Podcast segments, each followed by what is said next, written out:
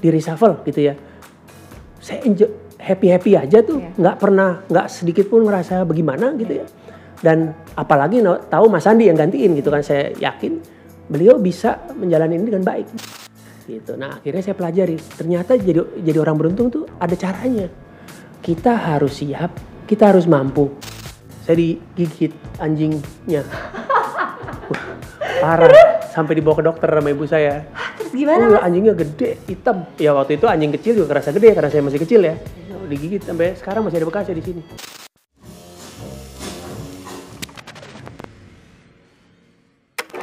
Selamat datang di Ngobrol Sore Semaunya Menyajikan obrolan tak terduga dan dibawakan dengan semaunya Halo, di episode kali ini gue seneng banget karena gue berkolaborasi bersama BNI Setelah menjalani 2020 dengan begitu banyak jatuh bangun Banyak pelajaran dan hikmah yang kita dapatkan untuk tetap berkarya di tengah keterbatasan yang ada. Jadi tahun ini mengawali episode Ngobrol Sore Semaunya 2021 bersama BNI Gue mengajak kalian semua untuk lompat lebih tinggi Dengan berkreasi, berinovasi, dan semangat untuk terus berkarya. BNI yang mempunyai value dan semangat yang sama dengan CXO Media akan selalu hadir untuk memberi support serta kemudahan untuk generasi muda agar dapat terus lompat lebih tinggi demi membanggakan Indonesia. Dan yang semakin bikin gue excited, di episode kali ini, Ngobrol Sore Semaunya bersama BNI akan mendonasikan uang sejumlah 25 juta rupiah melalui campaign hashtag wishlist Garda Depan yang kalian bisa cek di Instagram at Ngobrol Sore Semaunya. Without further ado, yuk kita ngobrol sama narasumber hari ini.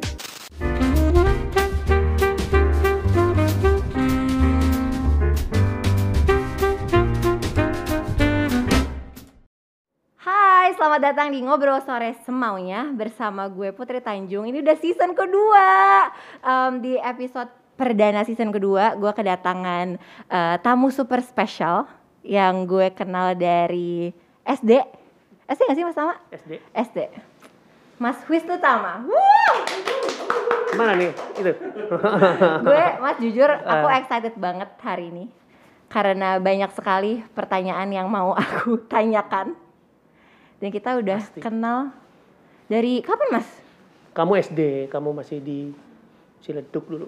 Aku SD dan Ingat pertama kali pas lebaran Hmm.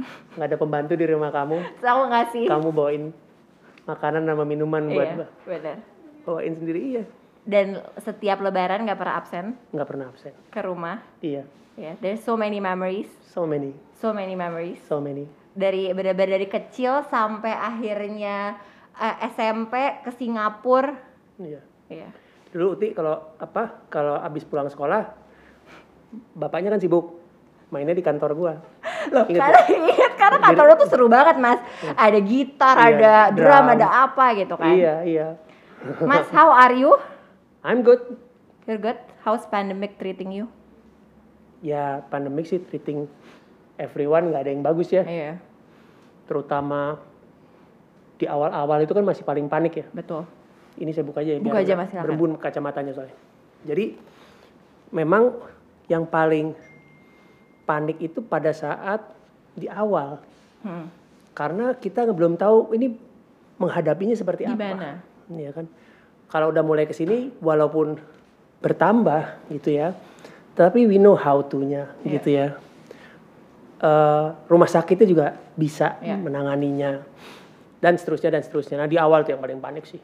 Jadi memang Denial lagi kan. Duh kapan nih selesai? Kayaknya cuma Oh, oh. tiga minggu. Iya, eh, ternyata, sebulan, dua iya. bulan, tau-taunya sampai sekarang gitu ya. Kayak begini gitu. Jadi memang eh, bukan hal yang mudah Iya. gitu. Nah, Mas Kas selama pandemi ini, Mas Tama juga melewati banyak hal ya di masa pandemi ini. Iya. Jadi the first question yang pop up to my head ya adalah gimana rasanya udah nggak jadi menteri, Mas? Ya pasti gini, pasti ada rasa leganya ya.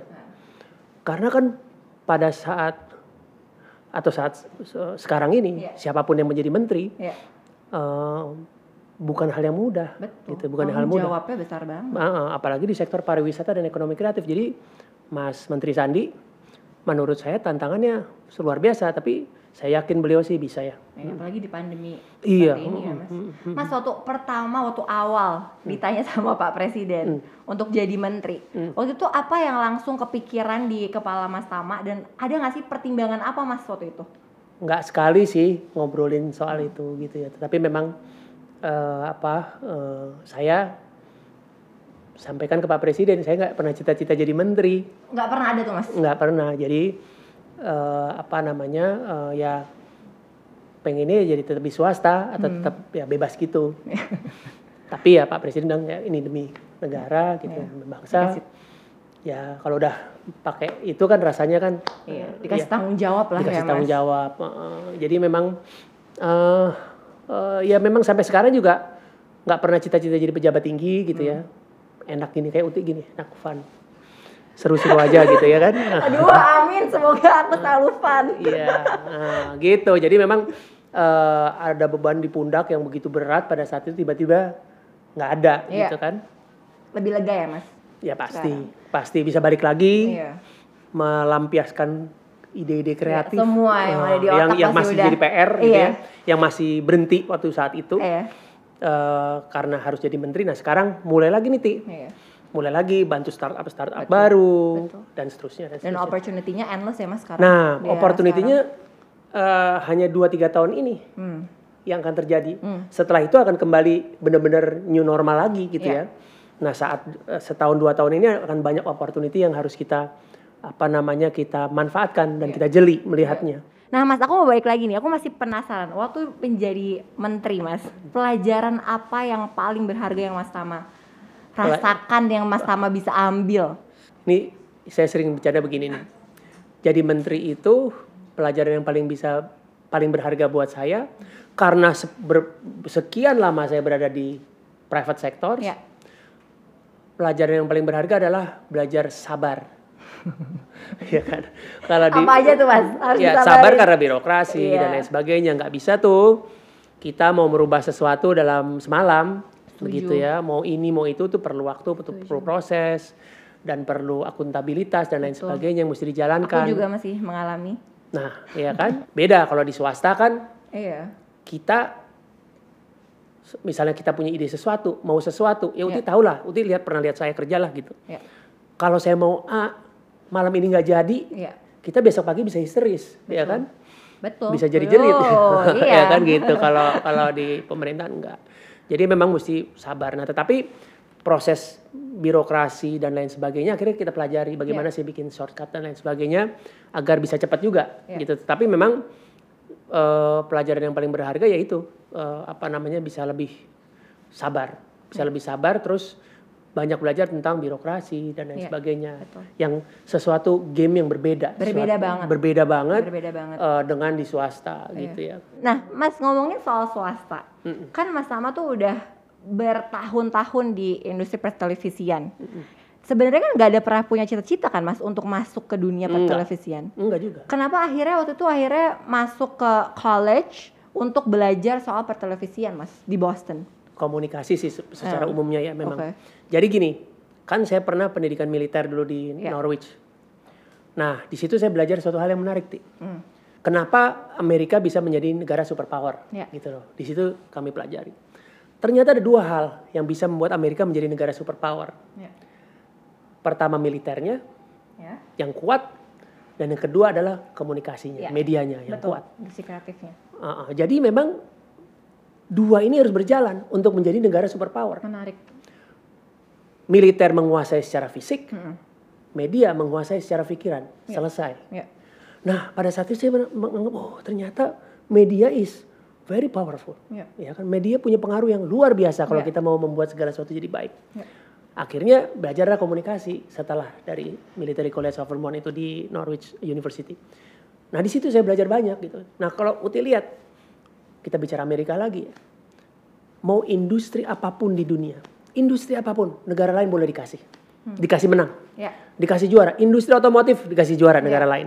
Industri apa kasih juara. Tapi when it comes to military industry, dia harus nomor satu. Hmm. When it comes to media industry, Mereka nomor mereka harus nomor satu. Ya. Nggak pakai AIU, Ya. harus mereka That's nomor the satu. two most important thing ya for them. On industri otomotif, Jepang boleh jadi juaranya, Ya. Jerman boleh jadi juaranya, Ya. tapi pada saat otomotif itu otomotif militer, dia harus jadi juaranya. Hmm. Jadi jadi itu adalah uh, dasar berpikir mereka untuk bisa menjadi negara superpower. Hmm. Nah, uh, apa namanya? Cina juga sekarang juga berupaya ke arah sana. Kalau kita perhatikan. Nah ini itu sebuah learning yang sangat luar biasa pada saat itu sehingga pada saat itu saya belajar uh, uh, di Boston uh, communication hmm. gitu. Nah, pas, Mas, tapi aku penasaran waktu pendidikan militer. Hmm. Sebenarnya apa sih Mas yang Mas dapetin selain fisik ya? Selain yeah. physically. Sebenarnya apa sih secara mental, secara pelajaran apa yang paling didapetin Mas? Ya, pertama adalah leadership. Hmm. Kepemimpinan, hmm. yang kedua disiplin, ya. ya kan? Itu juga tantangan di era sekarang tuh, ya, disiplin betul. ya kan? Bukan hal yang mudah, apalagi disiplin di era sekarang kan berbeda ya. dengan, dengan zaman dulu. Kalau dengan uh, gaya kantor seperti ini kan disiplin bukan jam 8 pulang jam 5 ya kan? Harus harus harus harus uh, yang penting selesai aja kerjaannya. selesai, ya kan gitu. Lalu masalah loyalty yeah. ya kan? Masalah honor dan yeah. lain sebagainya gitu ya. Uh, uh, uh, jadi banyak sekali. Itu teamwork yang paling utama. Yeah. kalau dalam militer itu teamwork itu jadi segala sesuatu. Kita tidak pada saat per, berlatih perang gitu ya misalnya ya satu regu gitu ya betul-betul kita membagi tugas dan lain sebagainya nggak ada tuh berantem di dalam tugas ya. eh lu ini ah, lu aja deh lu lu lu ke sana ke kiri komandan ke kiri ah pak pak sorry pak gue ke kanan aja deh kayaknya di situ ada nggak ada kayak begitu ya. nah itu juga uh, teamwork yang ya. yang yang yang menurut saya uh, pelajaran yang luar biasa ya. makanya pada saat pada saat saya dipercaya untuk mimpin televisi yang di sini gitu ya Trans TV agak, dan Trans 7. Trans TV dan Trans 7 agak-agak gitu ya. agak-agak itu uh, terpengaruh itulah pasti gitu. Nah Mas, aku kan emang hmm. kenal sama Mas Tama dari kecil dan hmm. aku kurang maksudnya aku udah lumayan banyak ngelihat leadership stylenya Mas Tama lah ya hmm. dari dari kecil gitu kan. Jadi aku ngelihat banget bahwa itu tuh terinfluence banget sama sama militer. Maksudnya kayak tadi teamwork, loyalty, nge-grooming timnya dan segala macamnya. Nah, kan tuh karir Mas Tama kan di dunia pertelevisian cukup panjang kan Mas dan akhirnya panjang banget. Panjang banget, hmm. panjang banget gitu. Dan sempat di Indosiar dan segala macamnya kan. Habis itu Mas Tama uh, jadi direktur utama di Trans TV dan Trans 7. Iya. Uh, tetangga kita. Tetangga itu kelihatan. kelihatan. dan yang aku selalu penasaran Mas, aku pengen tanya, kenapa waktu itu memutuskan untuk keluar dan membangun TV sendiri? Nah, jadi dulu uh, saya merasa terlalu nyaman di sini, hmm. ya kan? Terlalu bahkan sangat terlalu nyaman, segala sesuatu sangat cukup. Hmm. Boleh dibilang dimanja lah hmm. pada saat itu, dimanja dengan segala satunya gitu, hmm. sama bapak juga, ya kan? Hmm. Penghasilan sangat luar biasa pada hmm. saat itu. Udahlah nggak ada yang ngalahin lah penghasilan hmm. saya pada saat itu. gitu. Mungkin di root yang gajinya paling gede pada saat itu ya saya lah gitu ya kan. Luar biasa. Total gitu penghasilan. Nah jadi uh, uh, uh, saya takut saya tuh spoiled. Hmm. Takut saya tuh jadi tidak inovatif lagi karena inovatif dan uh, kreativitas itu timbul biasanya dalam kondisi yang kita tidak nyaman. Ya. Gitu.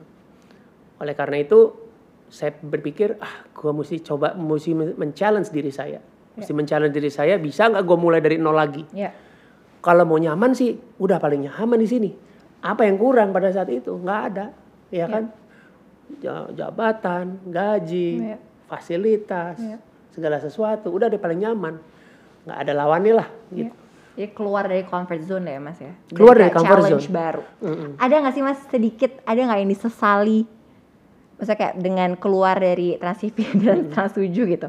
Ada nggak apa yang yang disesali atau apa yang sebenarnya pingin banget masih dilakukan di Trans TV dan Trans 7 tapi belum kesampaian? Ya dulu Uti tahu kan, dulu tuh saya sangat percaya sekali uh, era digital. Ya. Ya kan. Saya sekarang pada pada saat town hall meeting dulu kan di studio saya sering kumpulin, saya sering bicara soal digital. Ya. Sejak akhir tahun 2000 eh, mungkin dari tahun 2008 2009 saya sering ngomong tentang digital dan teman-teman di sini yang sekarang jadi bos-bos tahu tuh saya sering bicara tentang digital masa depan televisi adalah digital dan sebagainya mungkin pada saat itu pada, pada bingung ya saya sempat disampaikan oleh pemret saya pada saat itu bilang ini ngomong naon mas digital gitu masih masih belum ngerti iya. gitu loh pada saat itu tetapi saya menurut saya uh, kan pada saat mengakuisisi detik kan saya juga jadi direktur di sana. Ya ada yang saya buat namanya pada saat itu saya inisiasi, inisiasikan namanya MyTrans pada okay. saat itu. Bayangin Uti, MyTrans itu adalah OTT platform pertama di Asia. Hmm. Di Asia pada saat itu. Ya, hmm. baru ada di Amerika Hulu kalau nggak salah pada saat itu. Ya, dan saya meyakini bahwa itu the, the future of yeah. media yeah. pada saat itu. Bahkan dulu kan belum ada cloud dan lain sebagainya. Jadi kita yeah. sewa tuh di Buncit sana uh, server-server. Ya. Bahkan percaya nggak percaya Tik ya. Satu saat staff saya waktu itu yang jalanin MyTrans Mas Ricky namanya kasih tahu saya Mas kami dikomplain oleh Telkomsel. Loh, kenapa? Saya bilang gitu. Kenapa dikomplain? Karena uh, kita diminta, diminta untuk menurunkan uh, apa namanya uh, MyTrans Ya. gitu. Kenapa? Saya tanya. Karena ngabis-ngabisin bandwidthnya Ya. Telkomsel pada saat itu. Bayangin, pada saat itu ngabisin bandwidthnya Ya. Telkomsel. Ya. Lalu saya telepon orangnya. Saya bilang gini sama beli sama orang yang Anda tahu nggak masa depan telco itu adalah digital, Ya. bukannya pulsa sama ringback tone. Ya. Saya bilang begitu. Ya. Saya bilang begitu, tapi masih belum mudeng pada saat itu. Iya, iya. Jadi artinya uh, uh, masih banyak sih ya cita-cita pada saat itu yang yang yang belum terjadi dan saya yakin sebenarnya kalau kalau dulu dikembangkan terus gitu walaupun saya sudah resign harusnya bisa jadi sesuatu. Bayangin kontennya kalau buat OTT platform kan yang penting kan IP daripada kontennya. Betul, Sementara IP. pada saat itu in-house production Trans TV kan yang terbesar. Ya. Dulu televisi lain belum mikirin in-house production, masih beli dari PHPH kan, Iya. Trans TV, Trans 7 dan lain-lain. Jadi sebetulnya eh, kalau ditanya yang disesali, bukan disesali sih sebenarnya. Apa namanya yang saya pikir, ah dulu tuh kalau digedein bisa jadi OTT platform Hmm. yang terbesar di Indonesia, bahkan di bisa ke, ke luar negeri Iya. gitu loh pada saat itu. Cuman mungkin ada yang bilang sama saya, mungkin lu ke- terlalu kecepatan kali mas. Saya bilang enggak juga. Karena kalau memulai sesuatu kan mesti dimulai dari awal. Ya. Itu salah satu lah yang menurut saya harusnya kita bisa lebih. em, karena gini sekarang itu kan Netflix, Disney segala macam Iya. masuk loh. Kita mana gitu Iya, ya kan? OTT udah semakin banyak. Heeh, Maxstream mungkin ya, Iya, salah Maxstream satunya. Lalu ada video.com Iya. ya untuk kompetisi sama YouTube. Tapi kalau mulainya kan telat semua. Iya. Ya kan, mulainya adalah semua. Padahal pada saat itu kan bisa, misalnya dulu mengakuisisi program bukan buat televisi saja, buat digital wilayah Indonesia misalnya kan jadi library-nya juga bagus juga OTT Iya. platformnya dulu pada saat itu. Ya, tapi menurut aku mungkin ini kali ya Mas ya, karena sekarang eranya lagi karena pandemi juga ya. Jadi menurut aku jadi lebih seru sih industrinya. Jadi Hmm. Iya. menurut aku opportunity OTT dan segala macamnya video on demand malah jadi lebih rising kan Sangat. karena customer behaviornya udah siap nih Sangat, sekarang berubah. karena Jadi ada perubahan besar iya, ya, oleh karena itu tepat juga. OTT platform eh, sekarang eh, meningkat sangat signifikan. Tetapi kan kalau dulu itu kan orang masih belum ngerti digital. Jadi kalau kita beli rights beli atau atau beli rights-nya film-film Duluan. barat kan duluan Iya. kan lebih lebih Betul. lebih mudah Iya. dibandingin sekarang. Iya. Sekarang kita kayak udah rebutan apa gitu ya kan Eh, eh, sama PH sama apa segala macam kan luar biasa sekarang. Nah, masalah kan era digital kan, di mana sebenarnya digital media, digital platform tuh semakin banyak. Hmm. Ya. Tapi kita tahu bahwa sebenarnya free to air TV masih mendominasi. Betul. Masih digemari oleh banyak sekali masyarakat di Indonesia. Menurut Mas Tama kenapa sih free to air TV masih surviving sampai sekarang dan masih banyak demandnya? Dan what's the future for uh, free to air TV? Nah, ini eh, agak unik nih untuk menceritakan hal ini. Jadi begini, free to air itu masih besar saat ini, terutama buat middle low, ya kan. Terus buat rich, Ya. ya ke daerah-daerah yang mungkin nggak ada bandwidth eh, internet dan lain sebagainya. Tetapi dengan perkembangan zaman, apalagi dengan 5G nanti, gitu ya, saya memprediksi, memprediksikan televisi akan makin sulit, Ya. akan makin tough untuk berkompetisi Ya. apalagi dengan adanya eh, apa eh, multiplexing Ya. digital televisi free to air akan makin banyak Ya. artinya kompetisi juga akan makin tough Ya, gitulah satu makin sama banyak. lain makin banyak jadi memang ini sebuah tantangan tersendiri ti tantangan Hmm. tersendiri yang yang tidak mudah eh, tetapi eh, saya melihat media digital inilah yang akan nantinya Ya. on the end of the day yang akan menguasai karena kalau kita pelajari juga bukan hanya industrinya saja tapi kan em, adeksnya Ya. ini juga terjadi shifting yang luar biasa Luar biasa, betul. sangat luar biasa dan kita kan oke eh, Adex buat media di Indonesia itu kan yang kita tahu kan yang lokal. Tapi kalau misalnya ke Google ke YouTube Ya. dan lain-lain yang di luar kita kan nggak tahu. Ya. berapa sebenarnya angka realnya? Ini kan kenyataan. Gitu. Walaupun kita mau melakukan digital tax sekalipun gimana ngeceknya? Iya. itu kan?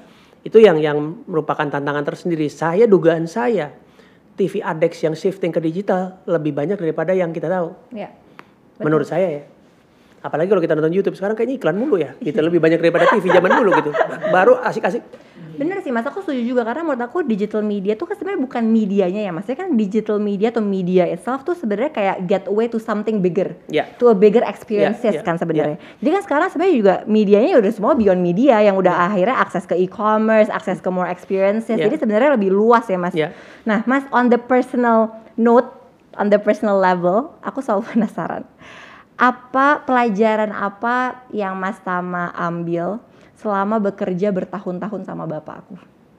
pelajar uh banyak banyak banget kan saya dari masih muda banget ya waktu Iya. itu ya Umur berapa sih Mas itu? ikut bapak itu 30 ya 30 29 mau 30 lah Iya. kalau nggak salah kurang lebih segitulah Eh pertama gini bapak itu orang yang kalau punya cita-cita itu percaya betul sama cita-citanya ya kan kalau punya mimpi itu percaya betul sama mimpinya Iya. itu hal yang saya sangat apa namanya saya sangat eh, apa namanya re- resapi Iya. gitu ya sehingga pada saat saya dem, eh, jadi berusaha saya melakukan hal yang sama Ya. gitu jadi kalau udah punya cita-cita meyakini terus be- be- bukan bukan hanya pada saat meyakini itu juga menyampaikannya juga dengan dengan penuh percaya diri karena beliau begitu percaya sama mimpinya, Mimpinya. beliau. Dan yang saya kagumi kan eh, beliau dari anak orang yang eh, tidak berada ya Iya, gitu tidak mampu. tidak mampu gitu ya dari tukang uh, mesin fotokopi di Betul. UI dan lain sebagainya Dari nggak punya kamar mandi. dari nggak punya kamar mandi mesti ke sumur Betul. ya kan Betul. kan saya pernah lihat rumah uh, uh, yang di sana tuh yang di kota Batu situ, Tulis. batu tulis saya kan pernah ke sana Iya. gitu. saya lihat tuh kayak gimana jadi memang perjuangan yang sangat luar biasa yang ins- inspire inspire saya pribadi gue Iya. gue tuh sangat terinspirasi sama bapak begitu juga dengan ininya apa eh, drive-nya Ya. kalau udah udah punya mimpi ngedrive-nya tuh sangat apa sangat eh, eh, konsisten Ya. konsisten ya kadang-kadang pada saat itu kita dipercaya ya udah kita jalanin aja gitu ya Ya. tetapi memang memang eh, kekuatan utama daripada bapak itu adalah eh, Pak Hairul kalau punya mimpi itu dia bisa dia berupaya sedemikian rupa untuk mewujudkan mimpinya nah itu yang Iya. menarik Nah, Mas kan tadi kan masuk ke Trans TV itu sebenarnya early 30s. Hmm. Jadi leader pun di Trans TV Iya. early 30s juga. Iya. Waktu itu tantangannya apa sih Mas menjadi leader di era yang dulu ya di Iya, umur iya, iya. 30 tahun? Iya. And what's your leadership style looks like waktu itu? Ya pada saat itu ya gini, pernah waktu lagi di Amerika sama Bapak, Pak Herul, Pak Herul bilang, Tam, sudah saatnya kamu jadi direktur. Terus, gua- Gimana terus Mas? bilang gini, Pak, kan gua sama Bapak kan santai banget ya Iya, kalau ngobrol. santai ya. Ah, Pak, jangan gua dulu lah. Yang itu tuh yang tuan, masih ada nih yang ngantri, gua bilang gitu. Jangan gua dulu lah. Udah, terus gimana sih? Lu mau suruh jadi direktur? Ini masih baru-barunya, ya belum lama lah di trans itu kan. Enggak lah pak, gua, gua gak enak pak. Swear gua gak enak, gua bilang gitu kan. Ya tanya bapak lah, bapak kalau ngomong sama gua kan gitulah kurang lebih. Nah terus, habis itu eh, nggak lama kemudian, mungkin beberapa bulan kemudian, tiba-tiba Pak Inal, Hmm. ini udah direktur yang tadi udah udah naik-naik nih cerita Iya. yang lain ya kan. Ini Tiba-tiba Pak Inal legal. Pak Inal, Pak Inal, Pak Inal. Pak Inal legal, nelpon gua. Tam lu di mana? Gua mau ketemu sama lu. Terus ada apa pak? Ya gua mau ketemu sama lu, gua mau turun ke bawah katanya gitu. Ketemu di dulu di situ belum coffee bean tuh, apa masih gitulah ya kan. Terus Pak Inal ngomong Tam, mulai sekarang lu diberhentikan jadi pegawai. Salah apa gua pak? Gitu. Terus? Karena dulu belum direktur kan ya.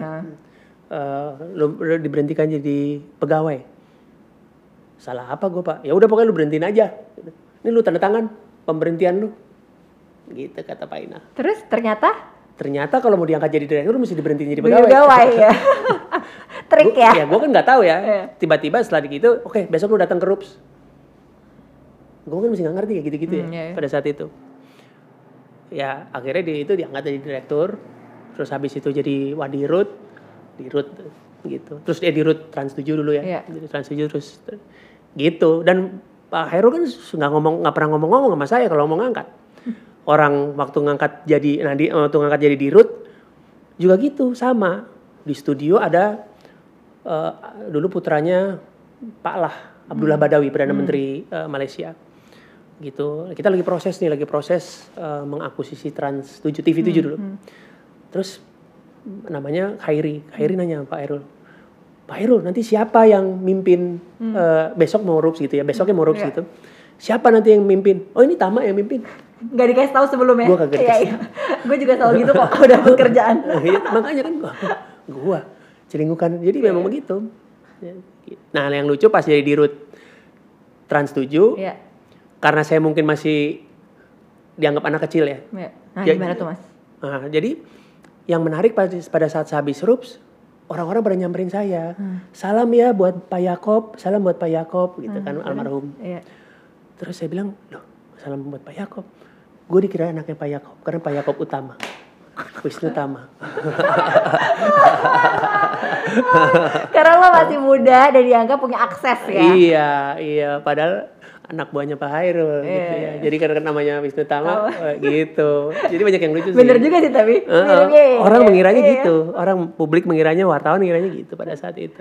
Leadership style Mas Tama waktu itu, saat itu, sama sekarang bedanya apa Mas? Gini, ini menarik nih Uti. Jadi waktu saat mimpin Trans TV dan Trans 7 nya beda gaya leadership nah, saya. gimana tuh? Terus yang berikutnya lagi beda lagi. Jadi gini, pada saat waktu mimpin Trans TV, eh, anak buahnya banyak atau timnya, staffnya banyak anak-anak bener-bener baru. Ya. Bener-bener baru. Ya kamu kenal lah sebagian, ya kan? Kayak Mbak Ila, ya Iya. kan segala macam. Itu kan anak-anak baru semua. Kang Rowan itu anak-anak baru semua Iya. gitu ya. Yang mohon maaf masih kagak ngerti apa-apa. Iya. Jadi saya sering emosi gitu ya. saya sering emosi Marah-marah ya. marah-marah kerjanya ya kan gitu akhirnya ya sedemikian rupa keras lah Ya. gitu ya kan Ya, everybody knows lah di Trans TV nah pada saat di Trans 7 atau mimpin Trans 7 kan ini pada udah pada pinter ya? Iya.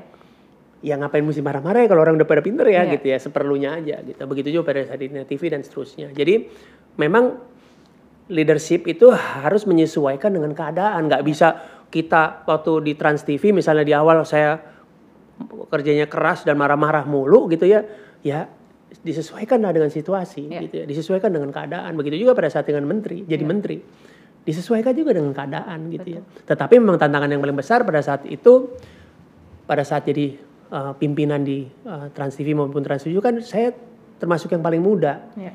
jadi dulu-dulu orang yang lebih senior daripada saya kan jadi anak buah gitu ya. Ya itu sih tantangannya, Iya. nggak nggak nggak nggak nggak mudah gitu ngomong itu. Tapi lama-lama ya cuek aja lah gitu. Setuju sih Mas, tapi itu tantangan paling besar sih. Iya. Kalau jadi pemimpin yang masih muda, pasti ya banyak yang tidak Iya. percaya kan in a way. Iya iya. Jadi memang bukan ya itu inilah ada artnya sendiri lah menjadi Iya. pemimpin. Iya. The art of leadershipnya adalah gitu. Betul. Balik lagi harus jadi evolving leader ya Mas, karena harus Iya. beradaptasi di harus setiap evolve, situasi. iya, harus evolve. Bahkan pada saat misalnya waktu di TV, di Net TV misalnya gitu ya, kita sistemnya nggak pakai kalau di trans dulu kan jam 8 mesti masuk pulang Iya. di, kayak kayak gitulah gitu kayak pabrik. Nah pada saat pada saat di Net TV gayanya beda lagi. Iya. Karena Yang zamannya juga udah beda. Zaman zamannya udah berubah. Iya. Ya kan kalau dulu kan eh, memang mesti presisi apa waktu kayak jam kantor begitu. Tapi pada saat di Net TV yang penting jam kerja dan hasilnya tapi sistemnya. Nah, misalnya itu perlu evolve terus, perlu evolve terus dan saya rasa juga di Trans TV juga demikian Udah sekarang kan. iya. Mm-mm, gitu. Nah, Mas, selama karir Mas Tama yang panjang ini, pelajaran paling berharga apa? Itu yang pertama. Dari semua ya Mas, dari mulai eh, di TV jadi menteri, sama lowest point Mas Tama dalam karir Mas Tama waktu saat apa? lowest point. Gini, saya jawab dulu yang lowest point ya. Ya, oke. Eh, saya tuh selalu menjadi orang yang selalu looking forward ke depan. Jadi alhamdulillah pernah ada yang nanya sama saya juga. Where, eh, eh, apa eh, lowest point. ah, lowest point lo lo- lowest point lo apa? Gue nggak pernah merasa ada lowest point. Alhamdulillah, gue nggak pernah merasa itu. Gue selalu menikmati perjalanan ini dengan apa namanya dengan gembira. Nggak pernah apa namanya ya kalau dipikir upside down waktu di Trans TV aja begitu upside down kan Iya. sering ya kan bukan hal yang mudah. Betul, Apalagi- proses. iya pro- butuh proses dan tetapi ini yang saya sering sampaikan saya tuh ibaratnya hidup itu dalam bekerja itu kayak nyupir nyupir mobil nyupir mobil itu apa lebih fokus lihat ke depan lihat jalanan ke depan daripada lihat banyak spion Iya, ke belakang. Tahu kalau kebanyakan kita lihat ke belakang apa yang terjadi? Nabrak. betul. Jadi saya berusaha 99% lihat, Lihat ke ke depan. depan. Nah, eh kalau perlu lihat ke belakang kalau mau mundur aja tuh mobil gitu kan. Tetapi kan lebih banyak maju daripada mundur juga mobil kan gitu. Jadi itu yang selalu saya ibaratkan Iya. dalam hidup saya. Jadi apa pun yang misalnya di reshuffle gitu ya. Saya enjoy, happy-happy aja tuh, Iya. nggak pernah nggak sedikit pun ngerasa bagaimana gitu ya. Dan apalagi tahu Mas Andi yang gantiin gitu kan, saya yakin beliau bisa menjalani ini dengan baik Iya. gitu. Jadi memang eh, positif aja gitu Betul. berpikirnya. Lihat ke depan dan lihat, Lihat- lihat bright side-nya iya. ya, Mas. Dan pada saat mungkin eh, pada saat apa eh, saya ditunjuk niatnya kan untuk membangun pariwisata dan ekonomi kreatif. Betul. Ya kan? Kalau misalnya Mas Andi saya, saya anggap bisa juga, why not? Iya. Ini kan it's not about me. Ya. Pariwisata dan ekonomi kreatif gitu. Dan jadi akhirnya saya fun aja. Iya. And Fun it's aja. not about competition Iya. either kan. Dan dan juga bukan kompetisi juga akhirnya. Bahkan saya sangat s- terus berkomunikasi terus sama Sandi gitu ya. Iya. Mas Sandi perlu apa juga saya bantu gitu. Iya. Nggak, nggak ada masalah. Nah, Mas aku jadi ingat aku tuh sering ngobrol sama Pak Gita Wiryawan. Hmm. Pak Gita tuh selalu bilang, kalau menjadi leader itu harus ada keberuntungan. Iya. Nah, are you Mas Tama consider yourself lucky nggak? Iya, pasti ada lucknya lah. Hmm. Dalam berkarir semua orang itu perlu luck juga. Iya. Ya, selain kerja keras dan dan dan belajar gitu Iya. ya. Tapi saya percaya begini. Ini saya pernah ngomong ini di Trans TV, saya ingat banget. Saya kan pernah dengar jadilah orang-orang yang beruntung. Hmm. Waduh, gimana caranya jadi jadi Orang orang-orang beruntung. beruntung ya kan? Gitu. Nah, akhirnya saya pelajari. Ternyata jadi jadi orang beruntung tuh ada caranya. Kita harus siap, kita harus mampu. Nah, pada saat kesempatan itu ada, kita bisa. Nah, apa yang sering terjadi? Orang nggak beruntung itu. Karena pada saat kesempatan ada dia nggak siap Nggak siap ya. dan nggak mampu. Ya. Dan Selesai. bahkan belum tentu bisa melihat peluang ya, Mas. Nah, apalagi itu ya bisa Iya. jadi. Jadi akhirnya lewat aja sih Iya, kesempatan itu. Nah, betul.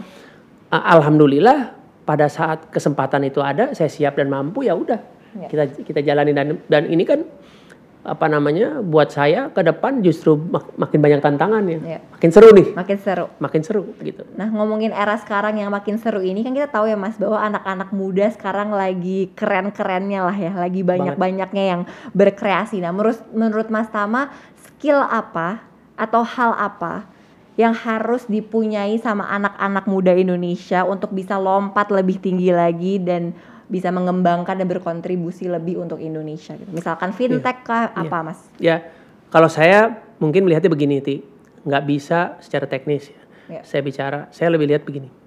Prinsip-prinsip keberhasilan itu selalu sama sejak zaman dulu. Iya. Walaupun di era dig- digital ini apa?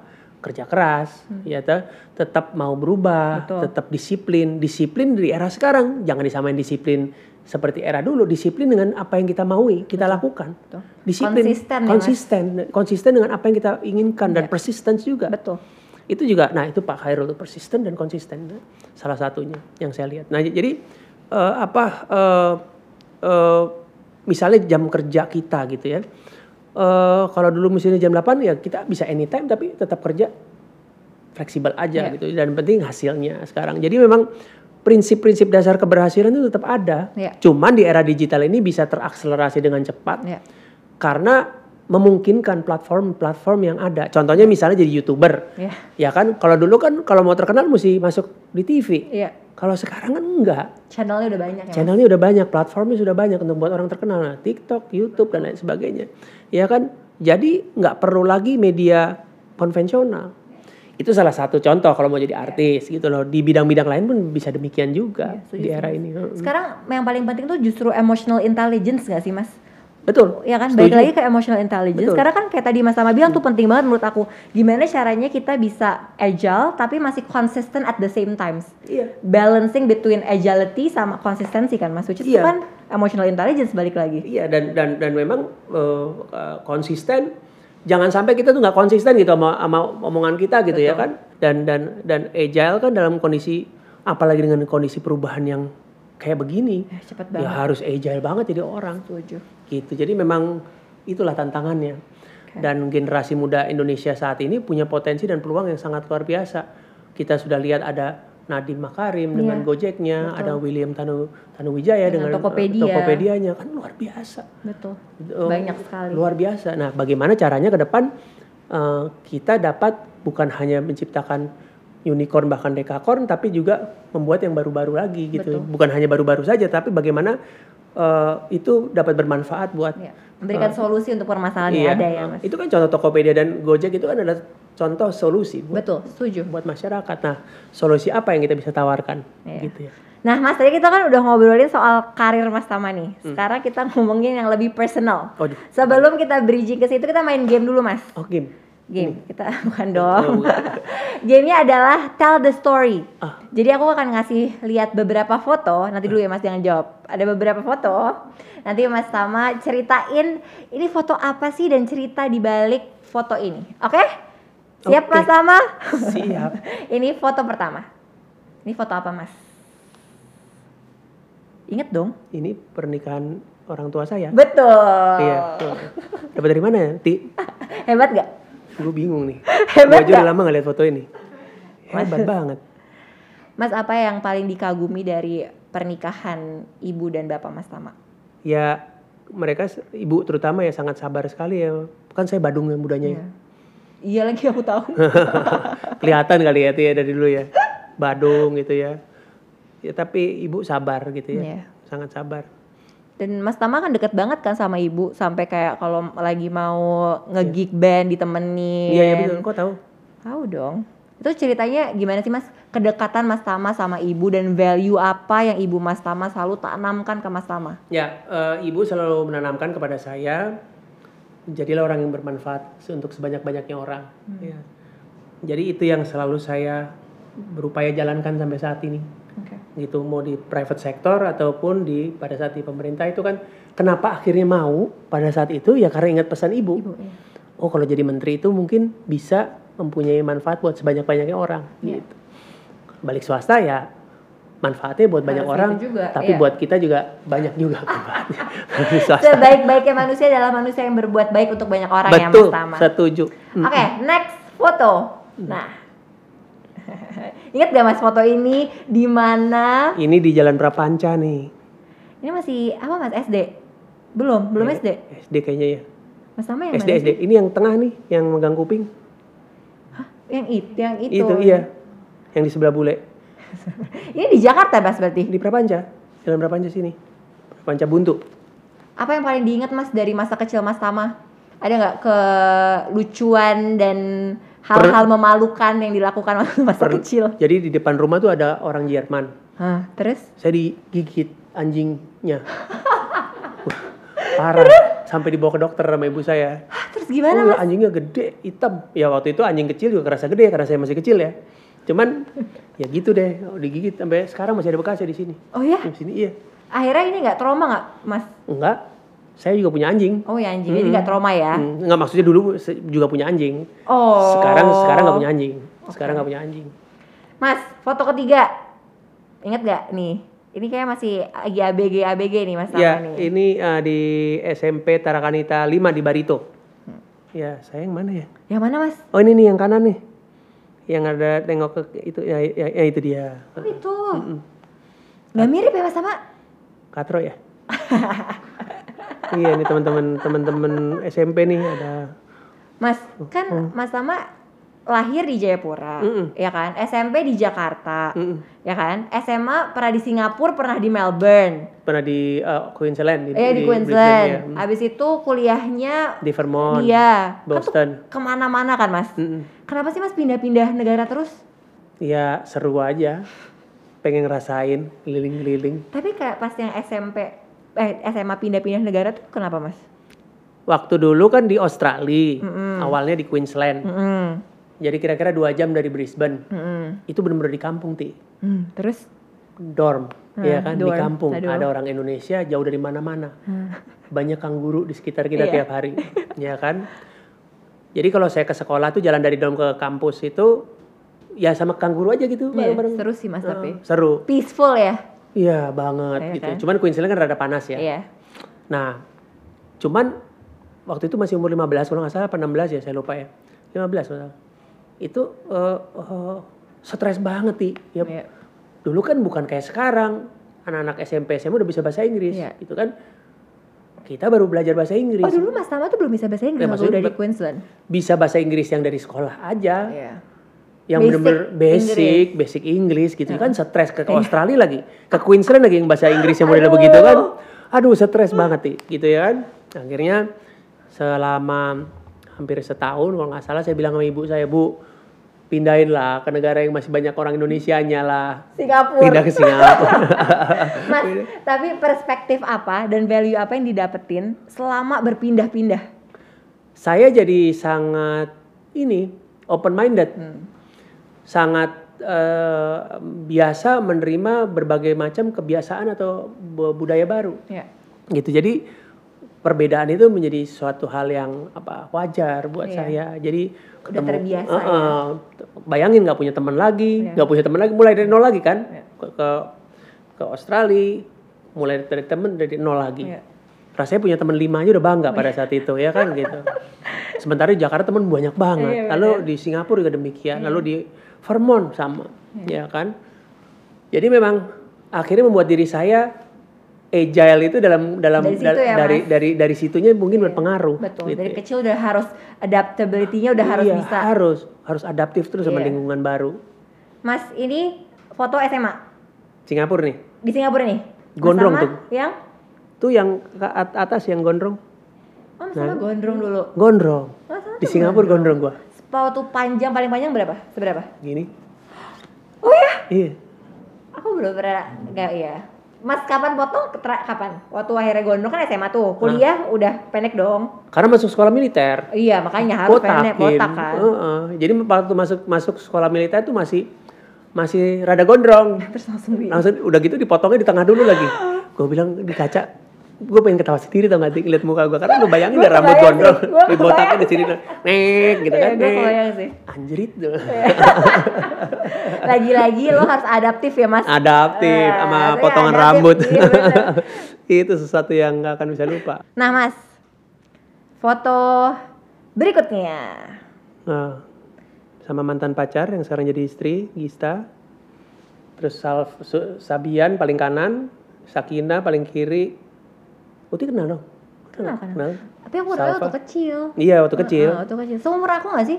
Yang seumur aku yang yang Sabian ya? Sabian Heeh. 96 bukan? dia iya 95 95 Mm. lalu eh, Salva Sultan Mas, Hmm. momen pas lagi ngumpul keluarga yang paling berkesan apa mas? Biasanya little things ya? Kadang-kadang tuh kita selalu makan malam ya Hmm. Ya, bukan kadang-kadang ya berusaha rutin lah gitu Iya. apalagi kalau pas lagi liburan tuh ya memang liburan tuh betul-betul kita manfaatkan pada saat itu untuk sama-sama gitu bercanda Iya. apa gitu ya nanya-nanya ini nanya-nanya itu segala macam perkembangan dan lain sebagainya dan dan eh, apa eh, kadang-kadang ya tanya siapa pacar lu sekarang gitu kan atau Mas, mas Tama protektif gak sih dengan pacar-pacar anak Mas Tama? enggak Oh enggak, Enggak, dibebaskan. bebas. Tapi tahu, diceritain dong. kadang-kadang nggak tahu Oh, taunya dari social media. enggak Oh, dari enggak. dari Gista Dari Gista yang cerita kalau saya orangnya cuek Oh, oke. orangnya cuek biarin aja bebas Tapi ceri tapi maksudnya mereka terbuka ya sama Mas Tama. Bisa cerita apa pun gitu modelnya. Atau lebih malah ke Bagista? ke, ke Gista mungkin Gista bisa lebih ini kali ya ti bisa lebih eh, dengerin orangnya ya Hmm. gitu jadi memang eh, siapa anak-anak selalu ngomongnya sama Gista bukan sama saya Gue takut kali ya Takut kali Mas. Mas tapi gimana Padahal cara asik loh. Apa? padahal gue asik Eh, asik kok, asik kok mas. Mas, gimana caranya membagi waktu sama keluarga sama karir yang super sibuk? ya makanya itu tadi saya selalu kadang-kadang dalam seminggu suka suka tetap nggak ada waktu ti Ya, gitu itu gimana, Mas? nah oleh karena itu biasanya kita dulu kompensasiin liburan yang lama Hmm. waktu di swasta kan enak ya liburan bebas lah gitu ya artinya bisa panjang dan itu betul-betul spend quality time mereka cari restoran enak Iya. jadi saya kalau liburan sama anak-anak tuh sama Gista kita benar-benar fokusnya bukan shopping tapi fokusnya adalah spend spend time quality time Family time ya. Oh, sama. jadi um, apa nyari restoran yang enak, tempat-tempat yang enak yang kita Yang kunjungi. baru, Iya, ngobrol. Iya, ngobrol, bukan cari shopping center kayak Iya, di Jakarta betul. gitu Iya. ya. Nah, kalau orang Indonesia kan biasanya kalau keluar negeri kan ke, Selalu begitu. Heeh, ke outlet lah Iya. segala macam. Kalau saya berusaha menghindari, Iya. walaupun saya kasih waktu lah satu hari pergi ke outlet gitu Iya. ya. Tetapi most of the time kita sama-sama gitu, spend spend waktu ngobrol-ngobrol gitu. Mas, anak-anak punya pressure yang besar nggak sih dengan melihat Mas Tama kayak sosok Mas Tama yang sekarang udah Waduh saya seperti tahu, ini gitu. mereka yang tahu kali. Karena kan kalau aku sendiri kan aku punya ya dari kayak Mas Tama tahu lah ya dari kecil kan aku emang udah punya pressure itu kan makanya wah pembuktian diri bangun ini bangun itu dan tapi alhamdulillah akhirnya hasilnya baik gitu ya. Kalau Dan bisa lebih besar lagi. amin amin amin. Harus bukan amin bisa. ya? harus amin Harus. insya Allah. Nah Mas Tama merasa mereka gimana menghadapi pressure atau sebenarnya mereka santai-santai aja tapi mungkin value apa yang Mas Tama ta- tanamkan ke anak-anak Mas Tama? Saya cuman eh, pesannya gini ya. Eh, upayakanlah bikin bangga ayah gitu. Berusahakanlah untuk bikin bangga ayah. Gitu aja udah. Gimana cara bisa bikin Mas Tama bangga sama anak-anak Mas Tama? Ya nggak nggak harus jadi pegawai atau jadi pejabat ya kan. Hmm. Jadi orang yang bermanfaat aja baik gitu. Orang baik dianggap baik sama orang. Bermanfaat gitu-gitu aja. Saya sih simpel-simpel aja sih. Ya. Baik lagi ke value ibunya Value, Mas Tama uh, ya. uh, iya. Sebaik-baiknya manusia Iya. ya harus baik untuk banyak orang. Betul betul. Mas, pertanyaan terakhir. Ya. Jadi di NSS tuh kita selalu ada pertanyaan ini, Mas. Oke. Jadi pertanyaannya adalah apa yang Kaget Ma- gue ti. Udah bikin kaget. apa yang Mas Tama ingin sampaikan ke diri Mas Tama di lima tahun mendatang? Saya mungkin ini ada ada beberapa kali apa satu kalimat ya yang mungkin selalu menjadi pegangan saya. Dan rasanya ini akan menjadi lebih penting buat saya juga ke depan. Eh, dan mungkin juga bisa bermanfaat buat teman-teman Ya. yang mendengar. Jadi apa namanya eh, kata-katanya kalimatnya kurang lebih begini ya. Bangga tapi jangan sombong Hmm. kerja keras tapi jangan sampai ngerasa terpaksa Hmm. ya bersyukur tapi jangan cepat berpuas diri kurang lebih itu Ti. Nice. Thank you so much Mas Tama. makasih Terima kasih banyak, seru banget. Semoga kita bisa ngobrol-ngobrol lagi. siap Terima kasih untuk teman-teman yang sudah Thank you, nonton thank ngobrol you, sore thank you. semaunya episode 1 di season kedua ini. Jangan lupa untuk nonton terus ngobrol sore semaunya bersama gue Putri Tanjung setiap hari Kamis jam 6 sore hanya di CXO Media. Dadah.